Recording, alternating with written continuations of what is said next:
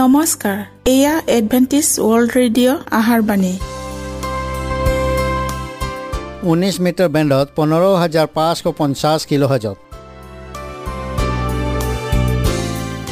Adventist world radio যোগে অসমীয়া ভাষাত প্ৰচাৰিত আহাৰবাণী প্ৰত্যেক বুধবাৰ আৰু দেওবাৰ সন্ধিয়া সাত বজাত আহাৰবাণী শুনাৰ পিছত আপোনালোকৰ কিবা মন্তব্য আৰু প্ৰশ্ন থাকিলে আমালৈ এই ঠিকনাত লিখক। আমাৰ ঠিকনাটি হৈছে Adventist world radio' seven day Adventist মণ্ডলী অসম শাখা লতাকাটা বশিষ্ট গুৱাহাটী সাত আঠ এক শূন্য দুই ন।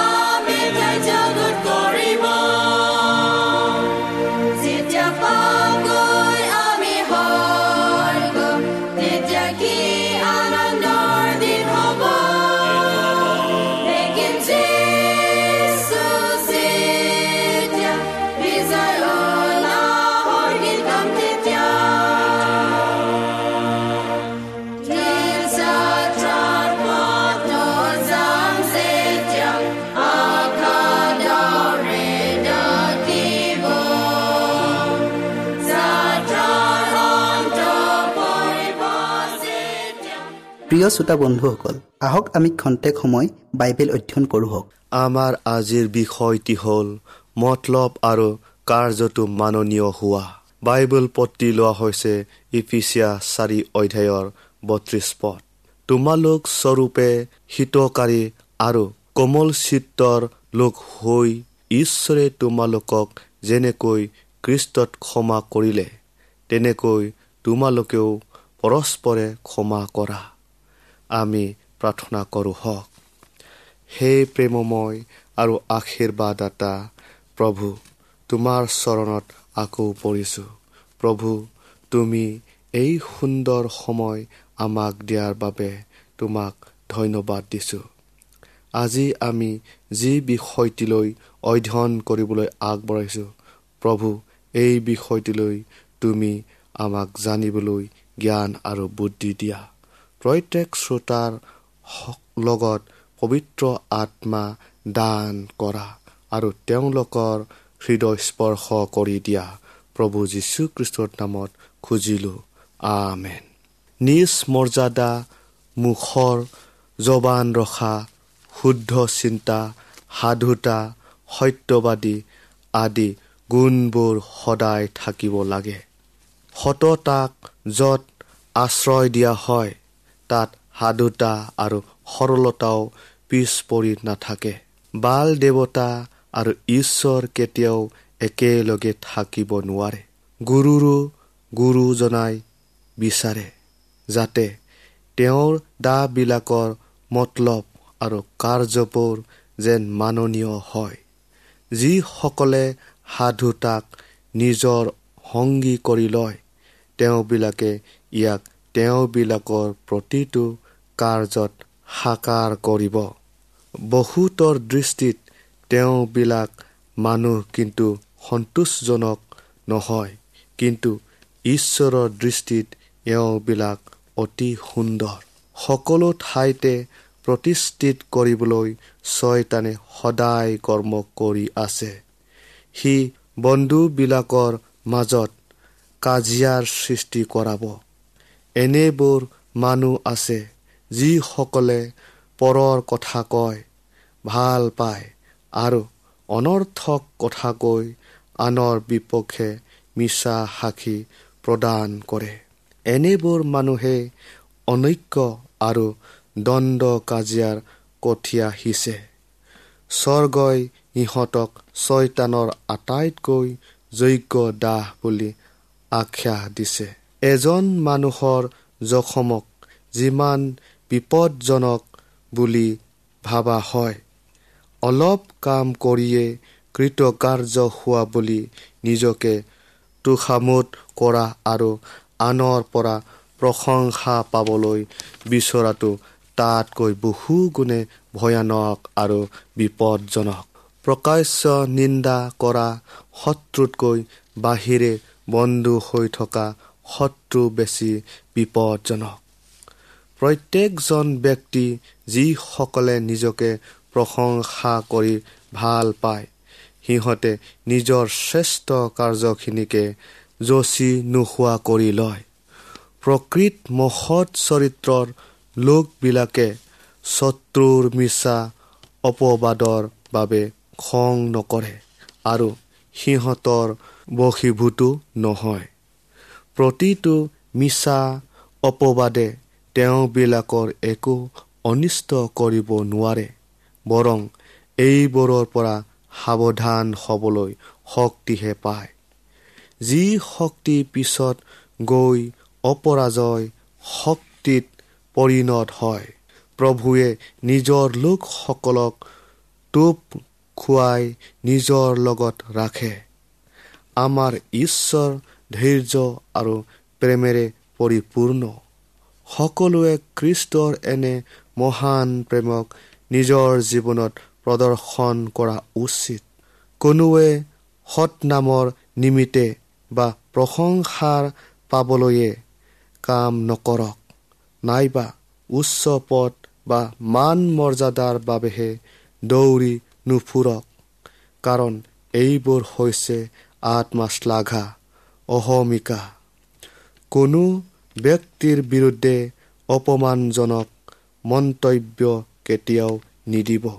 কাৰণ যিজনক আপুনি কৰিছে তেওঁ হয়তো ঈশ্বৰৰ দৃষ্টিত মহান হ'ব পাৰে।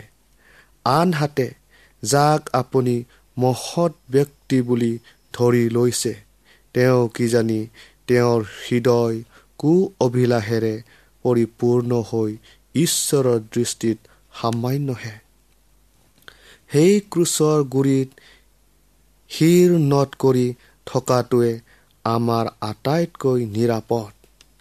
নিজকে নম্ৰ কৰি সদায় ঈশ্বৰৰ ওপৰত ভৰসা কৰক কিয়নো কেৱল তেওঁৱে আমাক মহান কৰিবলৈ সমৰ্থ সুবিচাৰ কৰিব পৰা ক্ষমতা আৰু যোগ্যতা এতিয়া সকলোৰে প্ৰয়োজন হৈছে।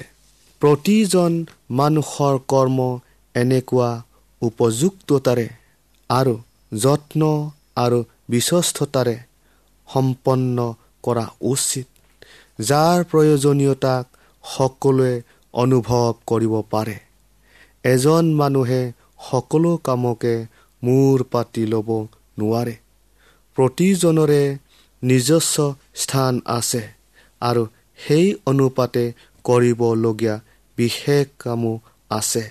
আৰু প্ৰতিজন ব্যক্তিয়ে এইটো উপলব্ধি কৰা উচিত যে যি ধৰণেৰে তেওঁ কামটো কৰি শেষ নকৰক কিয় কিন্তু শেষ বিচাৰৰ সময়ত থিয় হৈ থাকিব পৰাকৈ কৰিব লাগে। প্ৰথম তিমতী পাঁচ অধ্যায়ৰ বাইছ পদটো আমি আকৌ পঢ়ো হওক। নিজকে সূচী কৰি ৰাখা। শেষ অংশটো আমি পঢ়া হ'ল। কিহৰ দ্বাৰা মন আত্মা আৰু শৰীৰ শুদ্ধ কৰিব পাৰি তাক জনাটো শিক্ষাৰ এক আৱশ্যকীয় আৰু প্ৰধান অংশ। চৰিত্ৰত যেতিয়া শুদ্ধতাৰ অভাৱ হোৱা দেখা যায়। পাপ যেতিয়া চৰিত্ৰৰ এটা অংগত পৰিণত হয় তেতিয়া সুৰাৰ প্ৰভাৱত সুৰামত্ত এজন ব্যক্তি তন্দ্ৰা লগাৰ দৰে এনে ব্যক্তিবোৰো অসততা আৰু পাপৰ দ্বাৰা মন্ত্ৰযুক্ত হয়। গোটেই মানুহটোকে কুলসিত কৰা অপকৰ্মবোৰ কৰাৰ দ্বাৰাই আত্মা সংযম আৰু বিবেক বিচাৰ বুদ্ধি নাইকিয়া হয়। আৰু এই পাপময় অপকৰ্মবোৰ যদি সদায় কৰি থকা যায় তেন্তে মগজুটো দুৰ্বল হৈ নৰিয়াত পৰিব আৰু ই নিয়ন্ত্ৰণ হেৰুৱাই ল'ব। এনে ব্যক্তিজন নিজৰ বাবে সাপগ্ৰস্ত আৰু যিসকল তেওঁৰ সম্পৰ্কলৈ আহিব তেওঁবিলাকো সাপগ্ৰস্ত হ'ব। ভাল অভ্যাসবোৰতকৈ বেয়া অভ্যাসবোৰকহে সহজো আয়ত্ত কৰিব পাৰি আৰু বেয়া অভ্যাসবোৰক ত্যাগ কৰাটোও অতি কঠিন।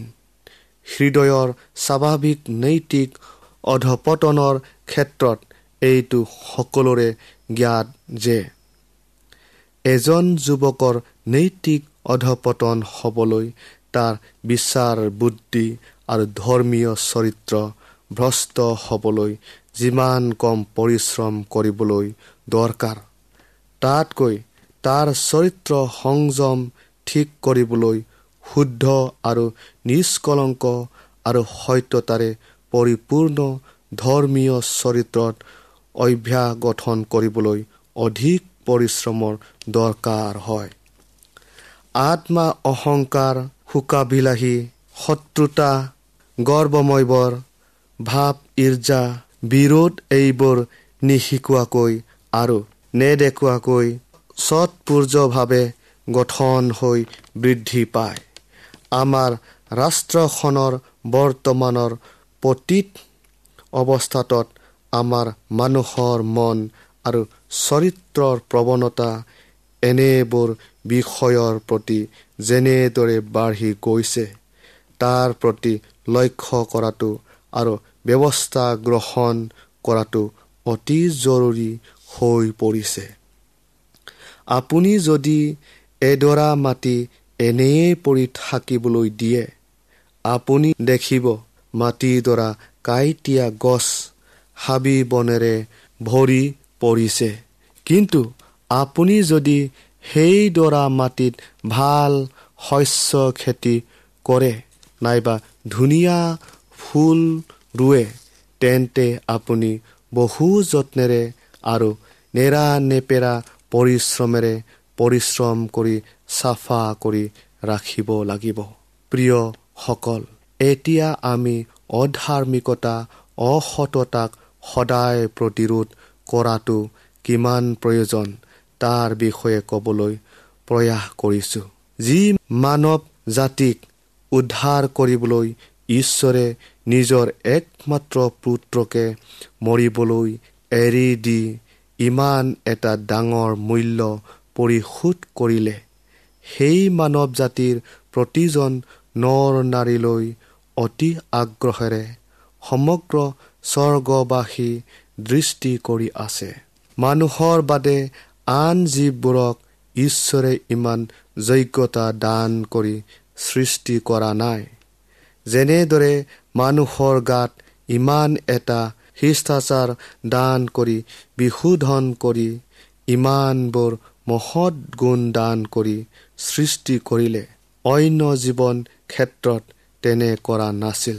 ইয়াৰ পাছতো যেতিয়া মানৱ জাতিটো নিজৰ কামাবিলাসত অন্ধ হৈ পাপত ডুব গ'ল তেন্তে ঈশ্বৰৰ কি অৱস্থা হৈছিল আপুনি কল্পনা কৰিব পাৰিবনে?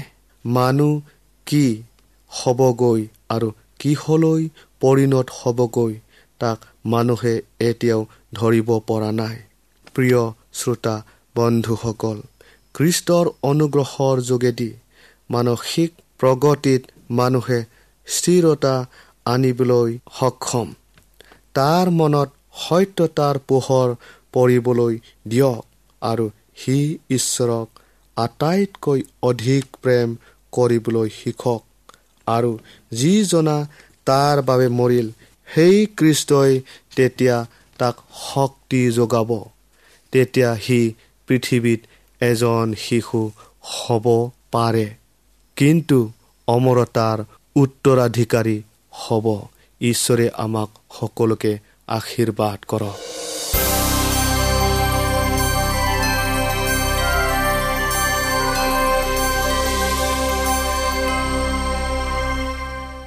আমাৰ আজিৰ বিষয়টি হ'ল নোহৰ দিনত যেনেকৈ ঘটিছিল। লোক সোতৰ অধ্যায়ৰ ছাব্বিছ পদ।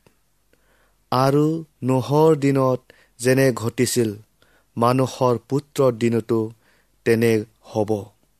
আমি প্ৰাৰ্থনা কৰোঁ হওক। হে প্ৰেমময় আৰু আশীৰ্বাদদাতা পিতা তোমাৰ চৰণত আকৌ পৰিছোঁ। প্ৰভু এই সুন্দৰ সময় দিয়াৰ বাবে তোমাক ধন্যবাদ দিছোঁ। আমি যি বিশেষ সময়ৰ বাবে আগবঢ়াইছোঁ প্ৰভু এই সময়ত তুমি আমাৰ লগত থাকিবা আৰু বিশেষ প্ৰয়োজনীয় পবিত্ৰ আত্মা সকলোৰ লগত থাকিবলৈ দিয়া। যীশুৰ নামত খুজিলোঁ। আমেন। বৰ্তমানৰ পৃথিৱীত ভয়ংকৰ পৰিস্থিতিবোৰ উদ্ভৱ হ'ব ধৰিছে। কৰোণাৰ দূতজনে দেউকা দুখন মেলি লৈছে। প্ৰস্থান কৰিবলৈ উদ্যত হৈছে। ঈশ্বৰৰ বিধানক অৱজ্ঞা কৰি ভৰিৰে গচকি গৈছে। নানা ধৰণৰ খেলি মেলি জটিলতা আৰু সুৰামোৰা আদিৰ মাত শুনিবলৈ পাওঁ। বিভৎস ঘটনা দেখিবলৈ পাওঁ। অভাৱ আৰু অনাটন ভূমিকম্প আৰু বানী পানী মানুহৰ দ্বাৰা সংঘটিত ভয়ংকৰ প্ৰকাশ্য উদ্ভণ্ডালী উপদ্ৰৱ আদি ঘটনা দেখিবলৈ পোৱা যায়। একো কাৰণ নথকা অধৈৰ্যতা আদি সাধাৰণ বিষয় হ'ল। চদুম আৰু গমোৰা নগৰৰ মানুহৰ দৰে যিসকল অতি সোনকালে দুৰ্নীতিপৰায়ণ হৈছে পাপত কুলুষিত হৈছে সেইসকলৰ ওপৰত অতি সোনকালে ঈশ্বৰৰ ক্ৰোধ পৰিব। ইতিমধ্যে অগ্নি আৰু জলপ্লাৱনৰ দ্বাৰা হাজাৰ হাজাৰ মানুহৰ জীৱন আৰু ধন সম্পত্তি নষ্ট হ'ল। যি ধন সম্পত্তিবোৰক সিহঁতে স্বাৰ্থপৰতাৰে দুখীয়াসকলক শোষণ কৰি অৰ্জন কৰিছিল। ঈশ্বৰে নিজৰ কাৰ্য অতি সোনকালে শেষ কৰিব আৰু পাপক অন্ত কৰিব। এই শেষৰ দিনৰ অধৰ্মৰে পৰিপূৰ্ণ অভ্যাস আচাৰ ব্যৱহাৰ চৰিত্ৰ আদিৰ দৃশ্যৰ বিষয়ে দেখুওৱা হৈছে। পৃথিৱীত প্ৰচলিত অধৰ্মতাৰে পৰিপূৰ্ণ বিষয়বোৰে ঈশ্বৰৰ লোকসকলৰ মনত এক গভীৰ সাঁচ বহুৱাব পাৰে। নোহৰ দিনত যেনে ঘটিছিল মানুহৰ পুত্ৰৰ আগমনৰ দিনতো তেনে ঘটিব। পৃথিৱীৰ ওপৰত থকা তেওঁৰ নিষেধাজ্ঞা তেওঁ গুচাবলৈ আৰম্ভ কৰিছে আৰু অতি সোনকালে পৃথিৱীত মৃত্যু আৰু ধ্বংস সংঘটিত হ'ব। যিবিলাকে দুখীয়াৰ ওপৰত নিজকে ধনী দেখুৱাইছে। অতি সোনকালে তেওঁবিলাকৰ বিৰুদ্ধে অপৰাধ আৰু নিষ্ঠুৰ অমংগল কাৰ্য চলোৱা হ'ব। এনে অৱস্থাত যিসকলৰ ওপৰত ঈশ্বৰৰ ৰক্ষা কবচ নাথাকিব তেওঁবিলাকে কোনো ঠাইতে নিৰাপদ স্থান অথবা নিৰাপত্তা বিচাৰি নাপাব। আঘাত আক্ৰমণ আৰু হত্যা লুণ্ঠন আদি আটাই অধৰ্মৰ কাম কৰিবলৈ দুষ্ট মানুহবোৰে নতুনকৈ অৱস্কৃত হোৱা অত্যাধুনিক অস্ত্ৰ শস্ত্ৰবোৰ ব্যৱহাৰ কৰিব। মোৰ প্ৰিয় ভাই আৰু ভনীসকল মই আপোনালোকক বিনয় কৰিছোঁ। বহুতে জীৱনবোৰ ইমান বিলাসীপূৰ্ণ আৰু ইমান জাগতিক। সিহঁতে নিজেই ভাবে যে সিহঁতবোৰ খ্ৰীষ্টিয়ান কিন্তু প্ৰকৃত খ্ৰীষ্টান জীৱনৰ তাৎপৰ্যা কি তাক সিহঁতে নাজানে। এজন খ্ৰীষ্টান হোৱাৰ অৰ্থটোনো কি বাৰু? ইয়াৰ অৰ্থ হ'ল খ্ৰীষ্টৰ নিচিনা হোৱা। তেওঁৰে সৈতে একেলগে কাম কৰি ঈশ্বৰক সহযোগ কৰা। মন মন্দিৰত থকা আটাই প্ৰকাৰৰ মূৰ্তিবোৰক আঁতৰাই দূৰ কৰা। এতিয়া সময়বোৰ ঈশ্বৰৰ হ'ল আৰু তেওঁৰ সময়বোৰ আপোনাৰ হ'ল। বিশ্বাসৰ এক উত্তম যুদ্ধত লিপ্ত হোৱা। অবিশ্বাসৰ বিষয়ে ভাবিবলৈ অথবা আলোচনা কৰিবলৈ অসন্মত হোৱা। পৃথিৱীয়ে অন্তিম সতৰ্কৰ বাণীটোক শুনিব লাগিব। প্ৰথম কৰিন্তীয়ৰ চাৰি অধ্যায়ৰ নৌ পদটো আমি চাওঁ কিয়নো জগতৰ আগত আৰু স্বৰ্গদূত আৰু মানুহৰ আগত আমি এক প্ৰদৰ্শনী দেখুৱালোঁ। পৃথিৱীখন হৈছে এখন মঞ্চ। ইয়াৰ নিবাসীসকল হৈছে অভিনেতা আৰু অভিনেত্ৰী। ইহঁতে সকলোৱে অন্তিম বৃহৎ নাটকত অংশগ্ৰহণ কৰিবলৈ নিজকে সাজু কৰিছে। মানৱৰ এক বৃহৎ সমণ্ডলত মানুহে যেতিয়ালৈকে নিজৰ স্বাৰ্থ ত্যাগ নকৰিব তেতিয়ালৈকে একতা নাহিব। সকলোৱে মিলি স্বাৰ্থপৰতাক ত্যাগ কৰিবই লাগিব। ঈশ্বৰে ইয়াকে লক্ষ্য কৰি আছে। বিদ্ৰোহীৰ প্ৰতি থকা তেওঁৰ উদ্দেশ্যকো তেওঁ হামফল কৰিব। ঈশ্বৰে যদিও নানা ধৰণৰ খেলি মেলি আৰু বিশৃংখলতাৰ পৰিস্থিতি পৃথিৱীত অলপ সময়ৰ বাবে সংঘটিত হ'বলৈ অনুমতি দিছে। তথাপিও ঈশ্বৰে পৃথিৱীখনক দুষ্ট মানুহৰ হাতত এৰি নিদিব। নাটকৰ অন্তিম মহা দৃশ্য দেখুৱাবলৈ ভিতৰৰ পৰা এটা শক্তিয়ে কাম কৰি আছে। ছয়তান কৃষ্টৰ ৰূপ লৈ আহি আছে। আৰু অধৰ্মময় প্ৰবঞ্চনাৰে সি সেই লোকসকলৰ মাজত কাম কৰি আছে যিসকলে নিজকে সেই গুপ্ত সমাজৰ লগত সাঙুৰি লৈছে যিসকলে নিজ ধৈৰ্য হেৰুৱাই তাৰ লগত মিত্ৰতা স্থাপন কৰিলে। সিহঁতে সেই শত্ৰুজনৰ আঁচনিত কাৰ্য কৰি কৰিবলৈ কাম কৰি আছে। কিন্তু ইয়াৰ পৰিণাম সিহঁতে নিশ্চয়ে ভোগ কৰিব। বিধান লংঘনৰ পাপে ইয়াৰ সীমা অতিক্ৰম কৰিলে। পৃথিৱীখন খেলি মেলিৰে পূৰ্ণ হ'ল আৰু এক প্ৰকাণ্ড ভয় মানৱ জাতিৰ মাজত অতি সোনকালে আহি আছে। অন্তিম সময় নিচেই ওচৰত। আকস্মিকভাৱে পৃথিৱীৰ ওপৰত যি ভয়ংকৰ পৰিস্থিতি উদ্ভৱ হ'ব আমি যিসকলে সত্যতাক জানো তাৰ বাবে প্ৰস্তুত হোৱা উচিত। প্ৰিয়সকল টোপনিত লাল কাল দি পৰি থকা মানুহৰ দৰে আমিও পৰি আছেনে?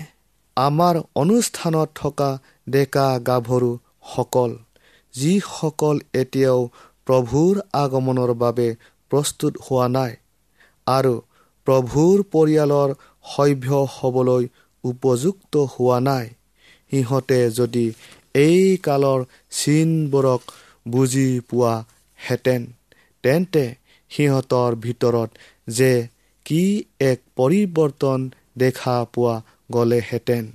আত্মা ত্যাগী কৰ্মকৰ্তাসকলক তেওঁৰ কোচ অনুসৰণ কৰিবলৈ প্ৰভু যীশুৱে আহ্বান কৰি আছে। তেওঁৰ বাবে চলিবলৈ কাম কৰিবলৈ ক্ৰুচ তুলি ল'বলৈ আৰু যলৈকে তেওঁ চলাই নিয়ে তলৈকে অনুসৰণ কৰিবলৈ তেওঁ নিমন্ত্ৰণ কৰিছে।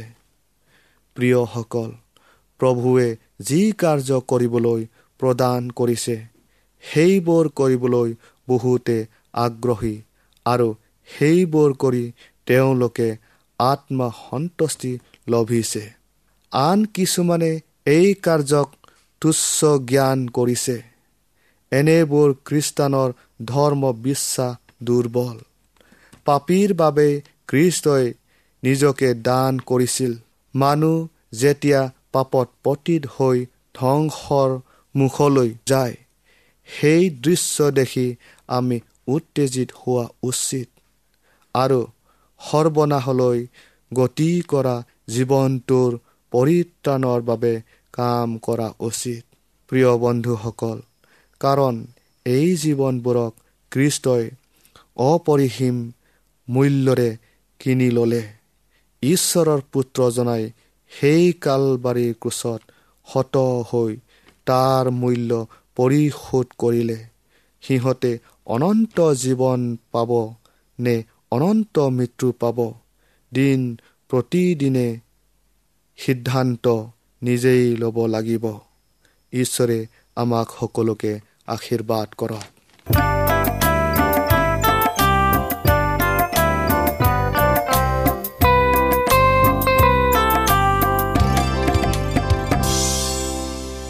মনত ৰাখিব আমাৰ ঠিকনাটি পুনৰ কৈ দিছোঁ। Adventist world radio' Assam region of seven day Adventist voice of hope Latakata Basistha Guwahati seven eight one zero' two nine প্ৰিয় শ্ৰোতা বন্ধুসকল এডভেণ্টিজ ৱৰ্ল্ড ৰেডিঅ' যোগে আহাৰবাণী প্ৰচাৰত আপোনালোকক পুনৰ লগ পোৱাৰ আহাৰে আজিলৈ সামৰিলোঁ। ধন্যবাদ।